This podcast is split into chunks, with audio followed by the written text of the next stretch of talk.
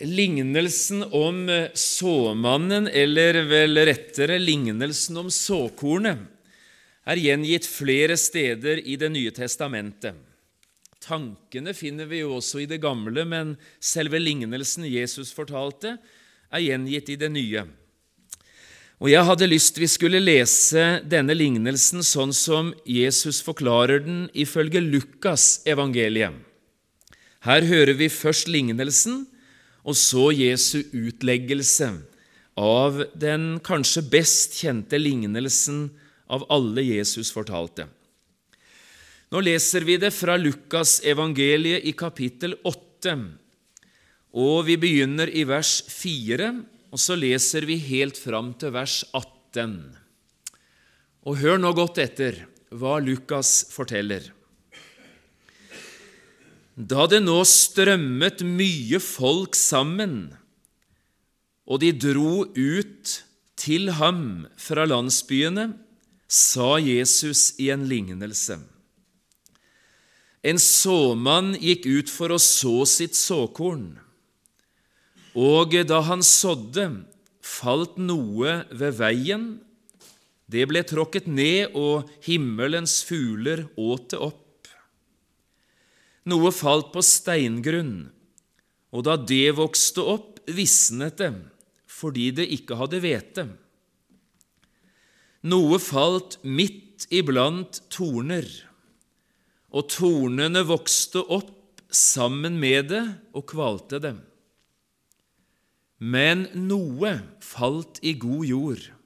Det vokste opp og bar frukt hundrefold. Da Jesus hadde sagt dette, ropte han ut, Den som har ører å høre med, han høre. Men hans disipler spurte ham hva denne lignelsen skulle bety. Jesus sa da, Dere er det gitt å kjenne Guds rikes hemmeligheter, men til de andre gis det i lignelser for at de skal se og ikke skjelne, og høre og ikke forstå. Men dette er lignelsen. Såkornet er Guds ord. De ved veien er de som hører, men så kommer djevelen og tar ordet bort fra deres hjerte, for at de ikke skal tro og bli frelst. De på steingrunn er de som tar imot ordet med glede når de hører det. Men de har ingen rot. De tror til en tid, men i prøvelsens stund faller de fra. Det som falt blant torner, er de som hører, og mens de vandrer frem, kveles de av bekymringer og rikdom og livets lyst, så de ikke bærer fullmoden frukt. Men det i den gode jord, det er de som hører ordet og tar vare på det i et vakkert og godt hjerte, og bærer frukt i utholdenhet. Ingen tenner et lys og skjuler det med et kar, eller setter det under en seng han setter det i lysestaken for at de som kommer inn, skal se lyset. For ingenting er skjult som ikke skal bli åpenbart. Heller ikke er noe gjemt uten at det skal bli kjent og komme for dagen. Se derfor til hvordan dere hører. For den som har, til ham skal det bli gitt men den som ikke har, skal bli fratatt selv det han synes å ha.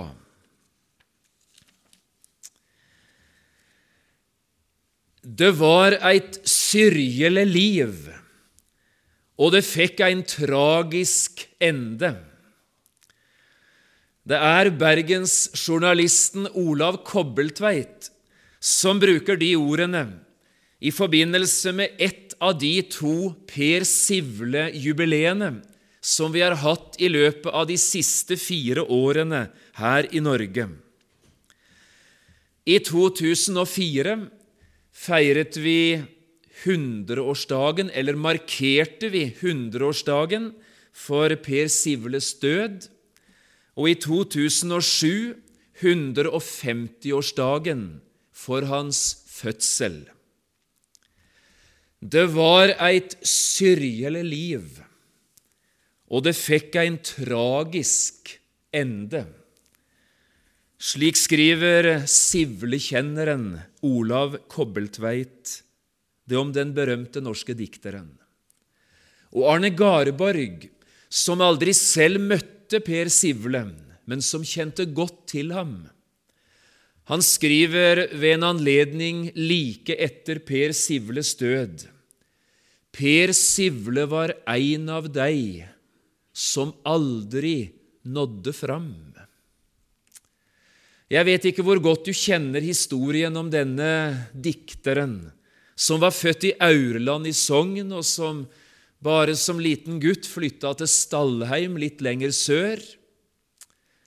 Historien om gutten som mistet sin mor før han rakk å bli to år gammel. Som Gud møtte, og som begynte med teologistudiet i Oslo for om mulig å utdanne seg til prest og en ordets forkynner og som hele sitt altfor korte liv var av Anders Hovdens aller nærmeste venner. Og Anders Hovden kjenner vi jo som den dyktige nynorskforfatteren når det gjelder salmeord og salmetekster. Historien om Per Sivle er altså historien om en av deg som aldri nådde fram. Kombinasjonen mellom en slags psykisk legning for tungsinn og depresjon, og så en forferdelig hodeverk som kunne ligne på migrene, det gjorde at Per Sivles livsreise ble helt annerledes enn han hadde tenkt. Noe teologistudium fikk han aldri fullført, heller ikke noen annen studieretning, forresten. Men skrive begynte han med. Arbeidet for ei tid i Oslo. Var i Drammen, der han også ligger gravlagt. Var i København en periode hvor han møtte bergensjenta som han gifta seg med. Men det var noe ufullendt over Per Sivles liv. Og 47 år gammel ble livet for tungt for han. Og det var Oslo-avisene som først kunngjorde Per Sivles død etter en tragisk oppdagelse på Torgata bad i Oslo, der Per Sivle gjorde ende på sitt liv ved egen hånd. Det er én sang, kanskje to, men i alle fall én, som vil leve etter Per Sivle. Når jeg sier kanskje to, så tenker jeg jo også på sangen om lerka, ikke sant? Hun vesle lerka, hun hev det slik. Det er Per Skivle. De var tre-fire diktere som møttes en gang, og etter dette møtet ble det skrevet tre-fire forskjellige dikt om lerka, og det er Per Sivles som kom til å leve. Men sangen som i alle fall lever, det var sangen jeg startet denne bibeltimen med å synge alene. Det er ikke så ofte vi synger den i bedehuset, tror jeg. Den første sang eg høyra fikk, var mor si sang ved vogga. Jeg er i den lykkelige situasjon at jeg har ei mor som lever. Et herlig menneske som fremdeles bor i barndomshjemmet mitt borte på Notodden, herja og fullstendig ødelagt av leddgikt og trenger to krykker for å kunne gå, men krystallklar i tanken og med et minne som ligner på klisterjernet. Husker du ikke det, da, John, snakker hun om? Om et eller annet i 1972. Det var jo den dagen vi hadde besøk av han, og han talte på bedehuset om kvelden. Om det kan du ikke huske det? Og jeg husker ingenting. Men hun sitter og det er ikke bare dette gamle, Men det sitter også det hun leste i Misjonsbladet i forrige uke. Når vi snakker i telefonen, så sier hun det er helt forferdelig. sier hun, Det er ingen her på Notodden kan snakke med lenger. For ingen leser jo nesten aviser og misjonsblader og bøker. Det, det leser jo folk ikke lenger. Så jeg har ingen å snakke med om det jeg leser, sier hun. Sånn er hun. Men for meg er dette mor. Og jeg har vært i den lykkelige situasjonen at i et hjem hvor far var mye fraværende pga. reise med evangeliet, så var mor alltid nær. Det var hun som lærte meg å legge fingrene sammen på denne måten. Det var hun som tok meg på fang og sang for meg og leste fra barnebibler og bøker. Det var hun som tok meg med på bedehuset på Notodden fra før jeg var døpt. Hun har vært der på en måte hele veien som såmannen som bar det gylne såkornet, og noe falt også på mitt hjerte. Jeg er så takknemlig. Det må være en formidabel bønneoppgave. I et land som tilber kjønnskvotering Minst 40% skal det være i alle offentlige styrer og råd. Men i den viktigste cellen av alle, nemlig et ekteskap, nei, så skal det ikke være kjønnskvotering lenger. Der er det gode greier, enten det er to av det ene eller to av det andre. Snakk om inkonsekvens. Er det noe sted vi trenger 50% kjønnskvotering, så er det i ekteskapet. For her er cellen som den kommende generasjon trenger om de skal bli et folk som fortsatt vil leve med Gud i dette snart etterkristne Norge. Når jeg begynner det jeg formidler i ettermiddag med såpass mye om Per Sivle og den første sang og litt refleksjoner omkring det, så er det egentlig for å si to ting.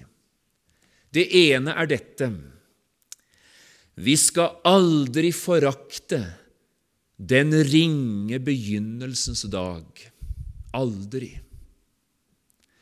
Det du putter først ned i sekken, det er det som sist ramler ut igjen. Det var slik ei mor svarte som ble konfrontert med hvorfor hun alltid dro med seg barna på møter og gudstjenester og tok det bryderiet med alltid å trekke de med seg, disse små. Det du først putter i sekken, det er det det sist ramler ut igjen. Vi skal aldri tenke for smått om den lille begynnelsen. Den første sang jeg høyra fikk, var mors i sang ved Vågga. Og kanskje var det en av de siste stjernene som lyste på Sivles mørke natthimmel, da hele livet ble som en mørk og ugjennomtrengelig natt, den første sang. Og kan du huske hvordan det gikk til da du ble født på ny, da du ble barn av Gud? Hva det var som gjorde at du ga deg over til Gud og blei en kristen, eller hva vei du nå har hatt til Jesus, det vet jeg ikke. Det var den første sang. Det var noen mjuke ord om Jesus. De, de gikk til hjertet, og de kunne gråten stogga. De ga deg tro på en tilgivelse, på mulighetene for en ny begynnelse. De ga deg en rak rygg, en ordnet fortid og en trygg framtid og sa, 'Det er i orden. Du er barn, du er frelst, og jeg skal være med deg alle dager inn til verdens ende.' Det var den første sang vi høyra fikk som Guds barn. Det var sangen om Jesus. Og en ting til omkring denne sivlerefleksjonen må jo være dette. En liten begynnelse kan ha en enorm fortsettelse. Det som begynner i det små, kan ha i seg et potensial som gjør at hadde vi ant mulighetene som var der, så hadde vi nesten aldri tenkt det var mulig. Den første sang. Jeg står i fare for å gjenta meg sjøl. Det er aldri godt å vite hva en har sagt i forskjellige sammenhenger. Men akkurat her hadde jeg lyst til å, til å dra en liten sånn illustrasjon som det er godt mulig jeg kan ha brukt på Karmøy før, men dere har gjerne glemt det, forresten. Det fortelles om en vismann i det fjerne Østen som var en utrolig ivrig og dyktig sjakkspiller. At han en dag fikk høre om en vismann som var bosatt ute i den ytterste provinsen i kongens store rike. Og om denne vismannen fortalte ryktet at også han var en dugendes sjakkspiller. Og kongen som hørte dette, han sendte bud ut i den ytterste provins og inviterte vismannen til slottet. Hadde noen invitert deg til Slottet i Oslo, så hadde du aldri sagt nei, det kan jeg love deg. Du hadde stilt opp. Om du kanskje hadde undret deg om hvorfor du ble invitert, så hadde du kommet. Det garanterer jeg. Og vismannen kom.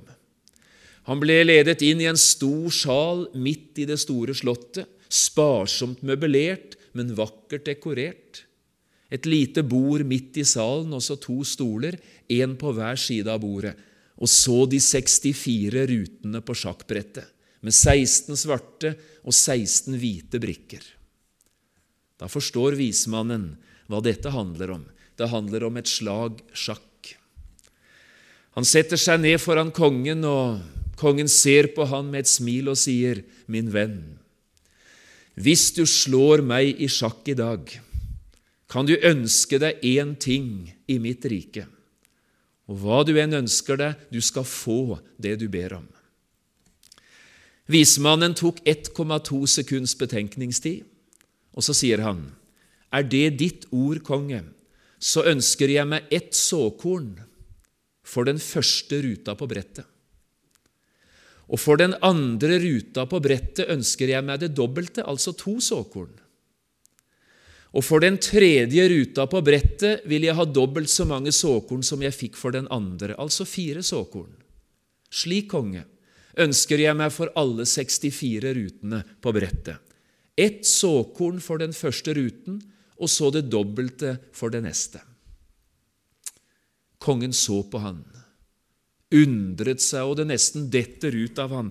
Her får du et løfte om at du kan ønske deg hva du vil i hele mitt rike om du vinner, og så ønsker du deg noen skarve såkorn. Du skal få det du ber om. Overraskelse nummer én den dagen var at kongen tapte. Men overraskelse nummer to var betydelig større. Når han skulle gjøre opp for seg og innfri sitt løfte, oppdaget han at han sannsynligvis ikke rådde over så mye såkorn i hele sitt rike som han nå skyldte vismannen. Han forsto ikke verdien av den lille begynnelsen. For å illustrere dette her, når vi taler om såmann og såkorn og Guds ord, så la oss gjøre et lite tankeeksperiment, så plasserer vi det. La oss si, at, la oss si at i ettermiddag, denne lørdagen, så er det én eneste kristen i verden, og det er møtelederen. Det er Egil. Han er den eneste i ettermiddag som kjenner Jesus. I morgen så møter han én person og deler sin Jesus-tro med den ene. Og han gjør det så enkelt og varmt og tillitvekkende at i morgen er de to som kjenner Jesus. Og så skjer det på mandag at disse to møter hver sin, bare én hver. Men de deler sin Jesus-tro, og med samme lykkelige resultat To nye får sitt navn skrevet i himmelen. På mandag er de fire. Og så er spørsmålet hvor mange dager, uker, måneder, år og tiår vil det nå gå før det som begynte med én, det første såkornet på den første ruta på sjakkbrett, ikke sant? Hvor lang tid vil det gå før det som begynte med én, og det foregår bare sånn at én deler med én ny hver dag. Hvor langt vil det gå? Hvor lang tid vil det gå før verdens snart seks milliard mennesker er kommet til tro på Jesus? Hvor langt unna avslutningen av misjonsbefalingen er vi? Jeg tipper det lyser litt rød lampe når du hørte denne sjakkhistorien. så du tenker kanskje at du skal ikke snakke om mange hundre år. Nå vet jeg at Karmøy-folk er et beskjedent folkeferd, så det er knapt at jeg tør å utfordre noen her til å, til å svare høyt. Men eh, hvor langt unna er vi i det som begynner med én eneste kristen i dag, hvis vi skulle vinne hele verden for Gud? Og det er jo det Jesus har bedt oss om. Det er sikkert noen som tenker det. Det kan ikke være mulig, det du sier nå.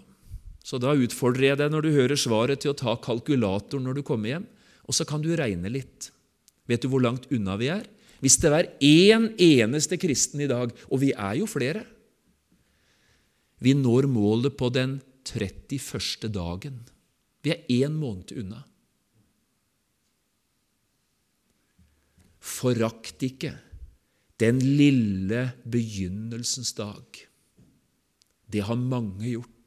Se en liten ild, hvor stor en skog den setter i brann. En såmann gikk ut for å så. Noen ganger var bildet ei mor som satt ved ei barneseng eller trykket et lite barn inn til hjertet som hun satt med på fanget. Noen ganger var det tre voksne menn som gikk 11,2 km mellom to byer. Støvete, varmt og mange brytninger i forholdet mellom tvil og tro.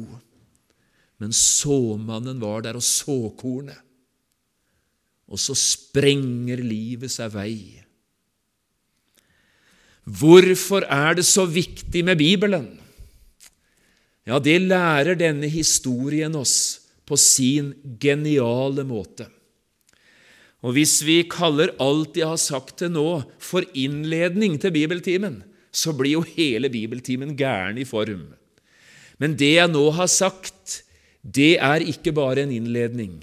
Det er vesentlige ting av svaret når det gjelder spørsmålet hvorfor er det så viktig med Bibelen.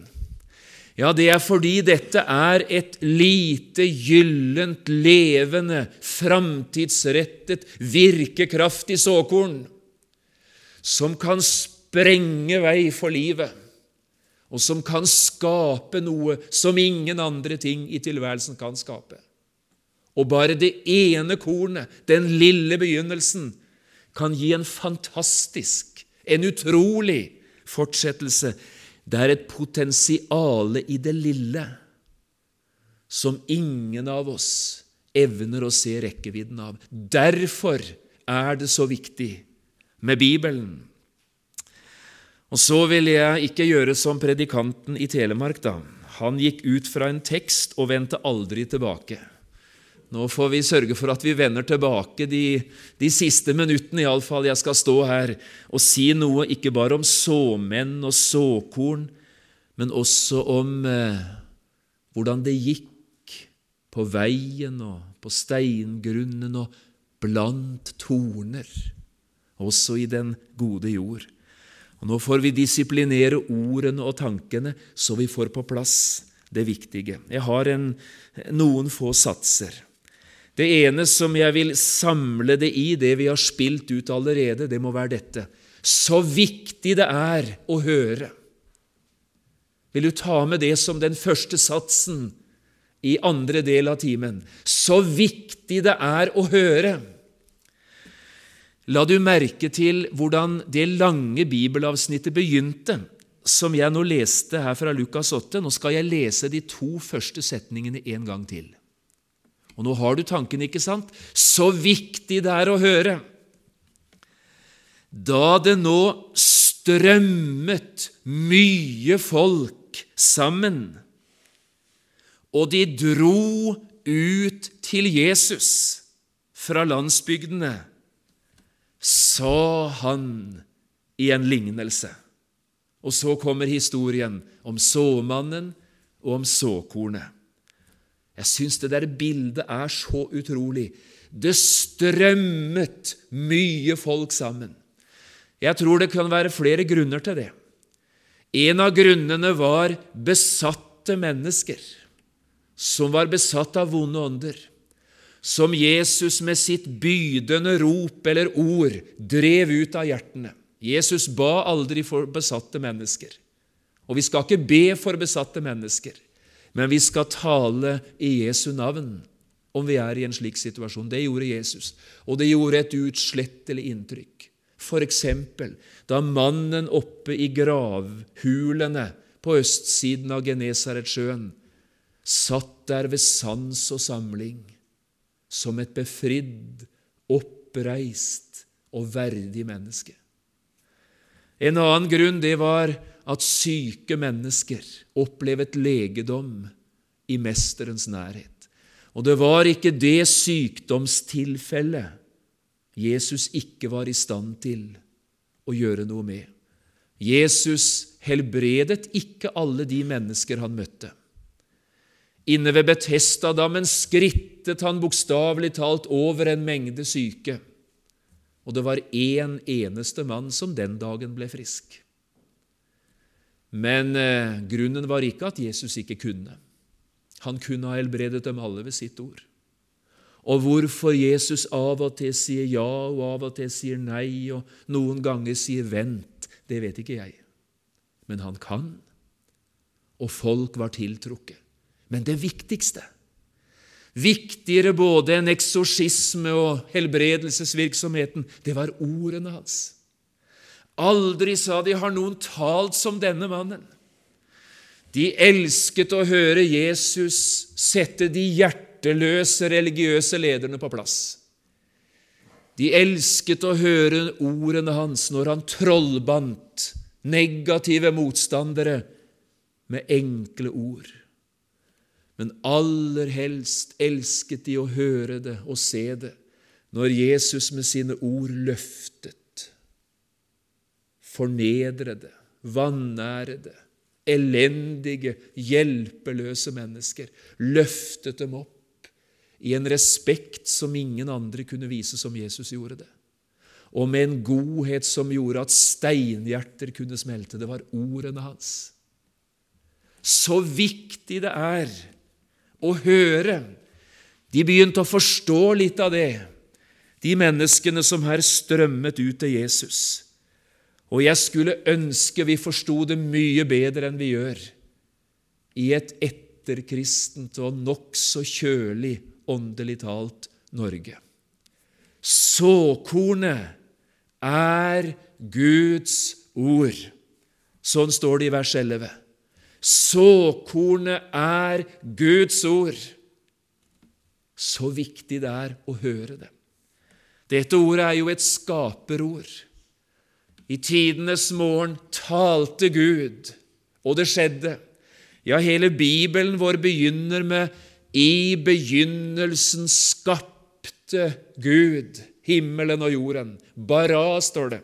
Og dette ordet 'skape' det er et helt spesielt ord i det hebraiske. Det brukes bare med Gud som subjekt. Det brukes aldri om mennesker, men det brukes om Gud, og bare Han. Og det brukes alltid i sammenheng med at å skape, det er å føre fram i lys og for dagen noe av intet. Bara er å skape av ingenting. Der det ikke er grunnlag, der skaper Gud.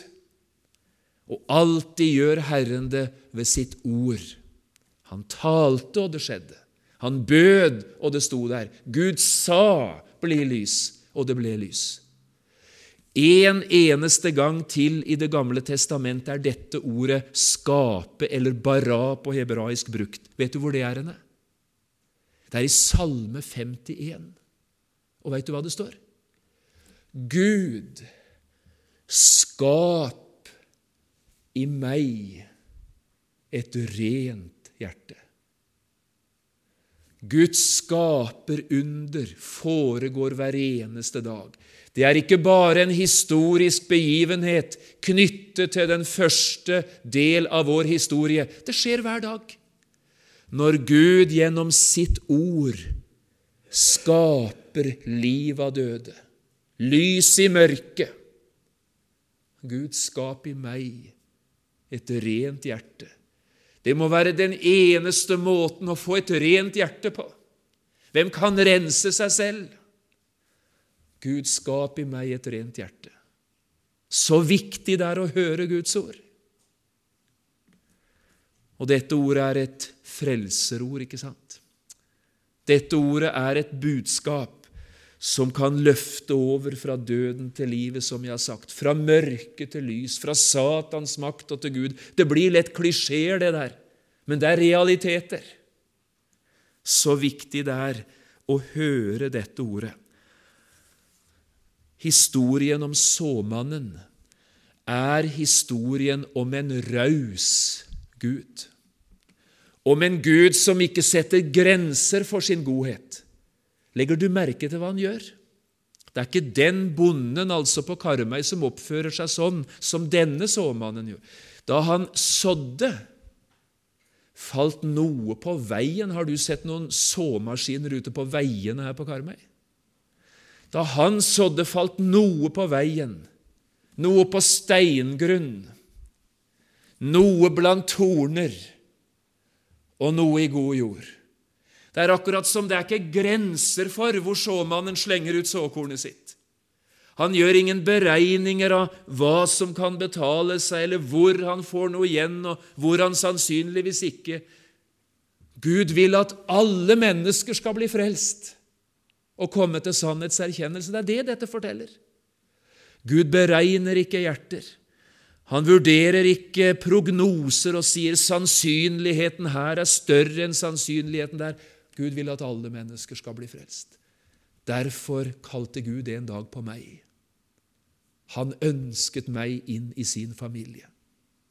Å begripe det? Nei. Jeg bare er så takknemlig at såmannen som gikk ut for å så, han slengte såkorn ut, han spredte ord ut med håp om at det her eller der eller der kunne bære god frukt. Dette er en raus såmann. Dette er en stor Gud. To, så viktig det er at noen sår. Og Det har jeg jo sagt en god del om. Det er ikke bare altså viktig at vi hører, men så viktig det er at noen sår. Ludvig Hope han sa en gang at disse ettermiddagsmøta er ikke av Gud, sa han. Han hadde vel gjort noen eh, erfaringer da at disse søndags ettermiddagsmøtene når folk helst skulle sove middag, og så skal de høre en lang preken, det er harde greier. Nå sier ikke jeg det fordi jeg får sånne assosiasjoner her, for jeg registrerer jo at mange av dere følger godt med. Men det kan jo være godt å krydre det lite grann. Nå vil jeg ta deg med til Telemark istedenfor å lage en bibelutleggelse akkurat av det poenget, så viktig at noen sår. Men nå skal du få høre noe interessant. I 1953, det året som jeg ble født, da døde en utvandret norsk-amerikaner i staten Nebraska i USA. Han døde ikke fordi jeg ble født, men det var altså samme året det skjedde. Han var 87 år gammel og hadde det samme navnet som min far. Han het Olav. Olav var født på en liten fjellgård oppe i bygda Mandal. Mandal med to ender, så ikke vi forveksler det med sørlandsbyen ligger oppover mot enden av Landstads kirkevei i Seljord kommune. Her var han vokst opp som eldst i en ganske stor barneflokk, og 17 år gammel utvandret Olav til USA og slo seg etter hvert ned i Nebraska. Og her slo han seg ikke bare ned, men han slo seg fram og ble en rik og velstående nordmann. Han kom aldri til det punktet at han gikk bort og gifta seg. Det har jeg ingen utleggelse omkring, jeg bare registrerer at sånn ble det med Olav. Og Det som er litt interessant i tillegg, det var at de fleste av søsknene hans de utvandret også til USA, og ikke én av dem giftet seg. Så de levde enslig i USA, alle sammen. Ikke ensom. Det er noen som tror at enslig og ensom er omtrent det samme. Vi har en sang i, i sangboka. Har du lagt merke til hva som står i, i Jesper Krogedals sang? Eh, Sjå til dei sjuke og enslige inn, står det. Akkurat som enslig stand er en slags parallelt med sykdom. Hadde det stått ensomme, da hadde det vært greit. Men ikke de sjuke og enslige. Nei, de sjuke og ensomme. Det er ingen sykdom å være enslig. Og Det som var enda mer spesielt, det var at Olav, som var den eldste, han overlevde alle sine søsken. Og det ble han som til sjuende og sist arvet alle sammen, så han ble temmelig rik. Når han er en aldrende mann, så går tankene hjem til Norge og til Mandal. Og han får denne tanken Hvordan skal jeg kunne betale litt tilbake av det jeg fikk i hjembygda mi? Og For å gjøre en lang og ganske interessant historie kort, så kommer det en dag et brev til lensmannen i Seljord, Svein Sveinsson. I det brevet ligger eh, noen ord skrevet av Olav fra eh, Blikkeraggarden i Mandal. Og så ligger det en utbetaling på 10 000 amerikanske dollar. Beskjeden var om dette kunne brukes i hans egen hjembygd. Svein Sveinsson skjønte at her er kanskje sognepresten i Seljord klok å snakke med, så han tok kontakt med Simon Dalen, og de ble enige om at oppe i Mandal, hvor det ikke fantes verken bedehus eller kapell eller kirke eller noe av den slags, der skulle det reises et kapell. Og fra 1951 til 1954 Takket være 10 000 amerikanske dollar, en masse dugnadsinnsats og en god del tømmer, så ble Mandal kapell reist. Og nå er det altså over 50 år gammelt. Jeg var der på 25-årsjubileum og hørte på biskop Erling Utnem, men 50-årsjubileet var jeg ikke til stede på. Erlend Grøstad laget altertavlen, dyktig selvjordskunstner. Og de fire evangelistene som er malt, på talestolen, de har også ganske berømte signaturer. Henrik Sørensen, Harald Kile, Willy Middelfart og så en som jeg i øyeblikket har glemt bort navnet på. Jeg har det notert her, men det er ikke så viktig. Men når jeg nevner det, så er det fordi det i, eh, på utbetalingssjekken sto en bestemt setning. Olav hadde skrevet et sted borte i Nebraska følgende i takksemd til mor, som lærte meg vegen til Frelseren, sto det. I dag står et gudshus i Mandal oppe i Seljord kommune, reist i takksemd for ei mor som lærte en gutt vegen til Frelseren. Det er noen som må så og i stedet for å legge det ut på annen måte, la meg bare si det sånn Såmenn er ikke bare de andre. Såmenn, det er oss. Det er vi som er her. Tre. Så viktig det er å tenke på hvorledes vi hører. Det er ikke bare viktig at vi hører men hvorledes vi hører. Og Nå skal jeg ganske snart lande det jeg formidler. Men hvis du ser nå ned i bibelteksten, så står det i Jesu utleggelse noe om veien, vers 12, om steingrunn, vers 13, om torner, i vers 14, og om den gode jord, i vers 15. Og når vi leser de fire versene, så vil vi oppdage at her er det våre tre erkefiender, vi som hører Herren til. Her er det våre tre erkefiender som avsløres i Jesu ord. Det er nemlig én som vet hvor viktig det er for mennesker å høre Guds ord, hvor nødvendig det er at noen sår dette ordet, og at det ikke er likegyldig hvordan en tar imot ordet. Og dermed så mobiliserer djevelen, sjelefienden, både seg selv og sine medallierte for om mulig å hindre dette ordet i å bære frukt.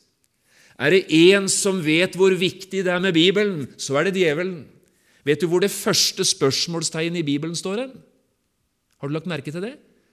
I kapittel 1 og 2 i første Mosebok det står ikke en antydning til et spørsmålstegn, men i kapittel 3 kommer det, i vers 1. Det krøyp en slange inn i hagen. Og så kommer spørsmålstegnet. Har Gud virkelig sagt?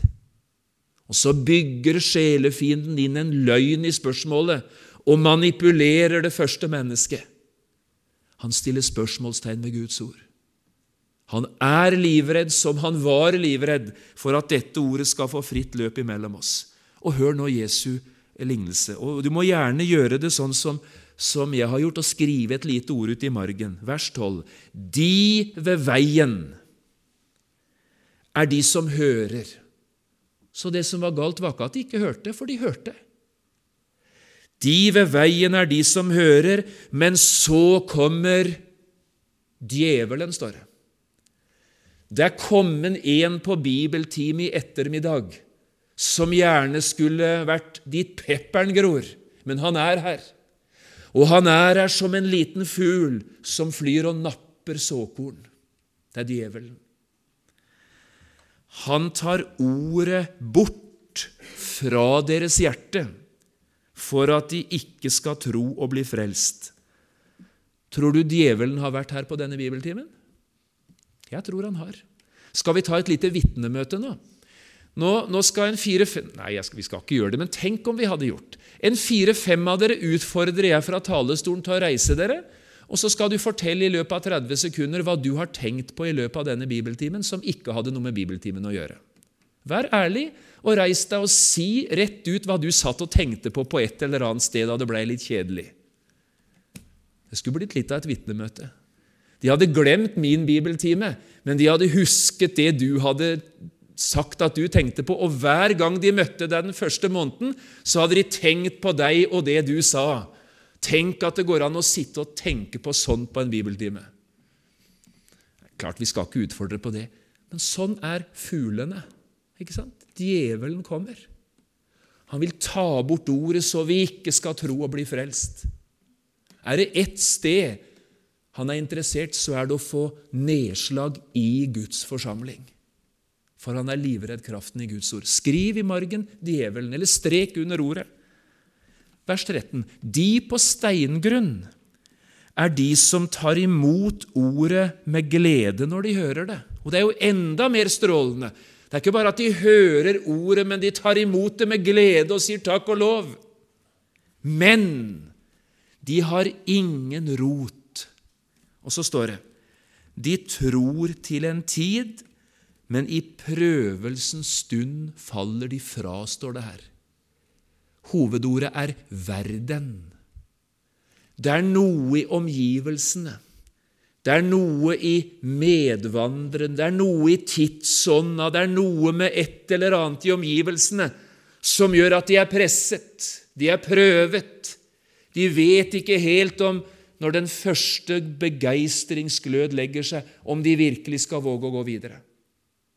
Djevelen har en medalliert som heter verden. Og verden, sier Bibelen, med dens lyst forgår. Derfor skriver Johannes, mine barn, elsk ikke verden, heller ikke de ting som er i verden. Verden, vers 14. Det som falt blant torner. Og det er så brenn aktuelt i Norge i 2008 at det passer bedre her enn kanskje i noe annet land i verden. Det som falt blant torner, er de som hører. Så det er en god begynnelse også her. Og mens de vandrer fram, kveles de. Hva for noe av? Av tre ting. Av bekymringer.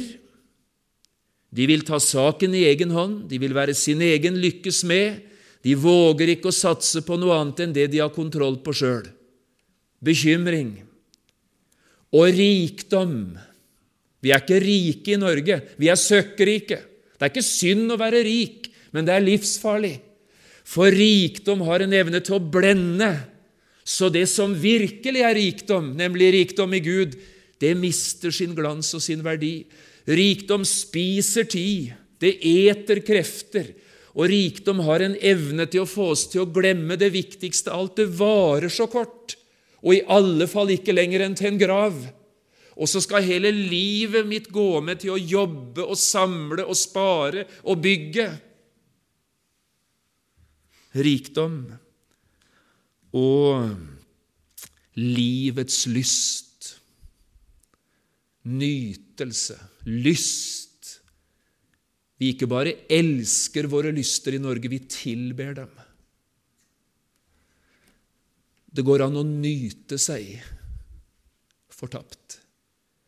Og hva hjelper det med noen år i nytelse om en evighet blir gråt og tenners gnitsel? Det er noen som, som ler i verden, og som nyter. Og av og til tenker jeg de skulle ha visst hva en evighet er. Blant torner. Ser du Norge, ser du Ola Nordmann, ser du oss selv i speilet, ser du ditt ansiktstrekk?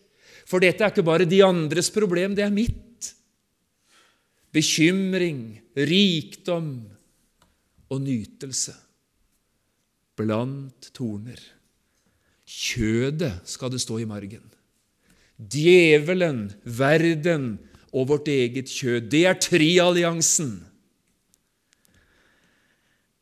Men det i den gode jord, vers 15, er de som hører ordet og tar vare på det. I et vakkert og godt hjerte. Ja, sier du, jeg har verken et vakkert eller godt hjerte. Nei, det kan du ikke gjøre så mye med. Men så får du høre ordet, da, og ta vare på det. Enten hjertet ditt ser ut sånn eller sånn. Og så kaller Bibelen det god jord, om du bare hører ord og tar vare på det og innretter deg etter det. Det avsluttes, og nå skal jeg avslutte med det. Det avsluttes litt spesielt i vers 18. Den som har, til ham skal det bli gitt. Det er til deg som har det du har, takket være at det var i Guds ord du fikk del i det. Det var din lykke i din elendighet at Guds ord har holdt deg i live. Det var her du fikk liv og, og rikdommen og framtiden og håpet. Den som har, han skal gis. Døden tar ikke fra oss, men døden fører oss over i en tilværelse der det skal gis. Noen er redd for Jesus, at han skal komme igjen og ta fra oss noe. Når Jesus kommer for å hente sine, så kommer han for å gi oss noe, ikke for å ta fra oss noe. Den som har, han skal gis, men den som ikke har Vi snakker om, om faren i verden for at det blir for stor forskjell på fattig og rike. Her blir det stor forskjell på fattig og rike. Den som har, han skal gis. Den rike skal bli rikere i himmelen. Mens den som ikke har, den som ikke er frelst, han skal fratas endog det han har. Ja, hva er det den har her i verden som ikke er frelst? Han har muligheten av å kunne bli det. Han har fremdeles nådetid, og han har anledningen. Men det kommer en dag da han som ikke har, skal fratas endog det han har. Det er ikke mulig lenger å bli frelst, for tiden av nåde er slutt. Se derfor til hvorledes dere hører. Hun var bare 31 år gammel, prestedattera Emilie Torup, da hun lå lungesjuk og døde. Hun var vokst opp i et prestehjem sammen med fem andre søsken, var et sjukdomsprega menneske det meste av livet. Hun fikk lungetuberkulose før hun ble tenåring og kom aldri liksom i gang i livet. Var aldri ute på reise annet enn noen få besøk i, i omgivelsene rundt prestegården, der hun hele sitt liv bodde hjemme. Men hun var utrolig flink til å skrive dikt, men så beskjeden at ingen andre enn den nærmeste familien fikk lov å se diktene hennes. Med ett unntak. En redaktør i menighetsbladet i sognet der de bodde i Danmark, fikk lov å sette ett eller to dikt på trykk i menighetsbladet hvis han ikke skrev annen forfattersignatur enn E. Så dør Emilie Thorup, knapt 31 år gammel, og ni måneder før hun dør, skriver hun sitt siste og aller best kjente dikt. Det skulle bli som en liten fugl som i alle fall har fløyet ut over hele Norden. Hun hadde strevd med frelsesspørsmålet og trygghetsspørsmålet, men de fire siste årene i livet hadde hun hjertefred. Og nå er det som hun summerer opp i den sangen vi skal avslutte denne bibeltimen med. Det er nemlig Emilie Torups svanesang og himmelsang, og hun hadde aldri kunnet skrevet den uten møte med Guds ord. Vet du hvordan sangen begynner? Å tro, det er å legge seg ned ved korsets fot, og begge armer strekke vår Herre Kristi mot. Nå skal det være avslutningen på det jeg formidler. Jeg vil be en enkel bønn, og så skal vi synge den sangen. Far i himmelen, noe falt blant torner. Det var litt av det vi hørte her. Og vi ber for oss selv, Herre, og vi ber for folket vårt. At ikke bekymring og stress og travelhet tar kvelertak på Guds liv imellom oss. At det ikke rikdom, Herre, blender oss så vi mister syn for de evige verdier. Og at ikke nytelse og bekvemmelighet og makelighet ødelegger det å følge deg og gå offerveien. Herre, la ordet skape ditt liv og ditt sinn, også i våre hjerter, vi som er. Og når vi nå synger, Herre, vil vi be om din hjelp både til å synge for vårt eget hjerte, synge det for hverandre, og synge det så det kunne registreres i himmelen. Jesus, vi trenger deg og kan ikke klare oss uten. Amen.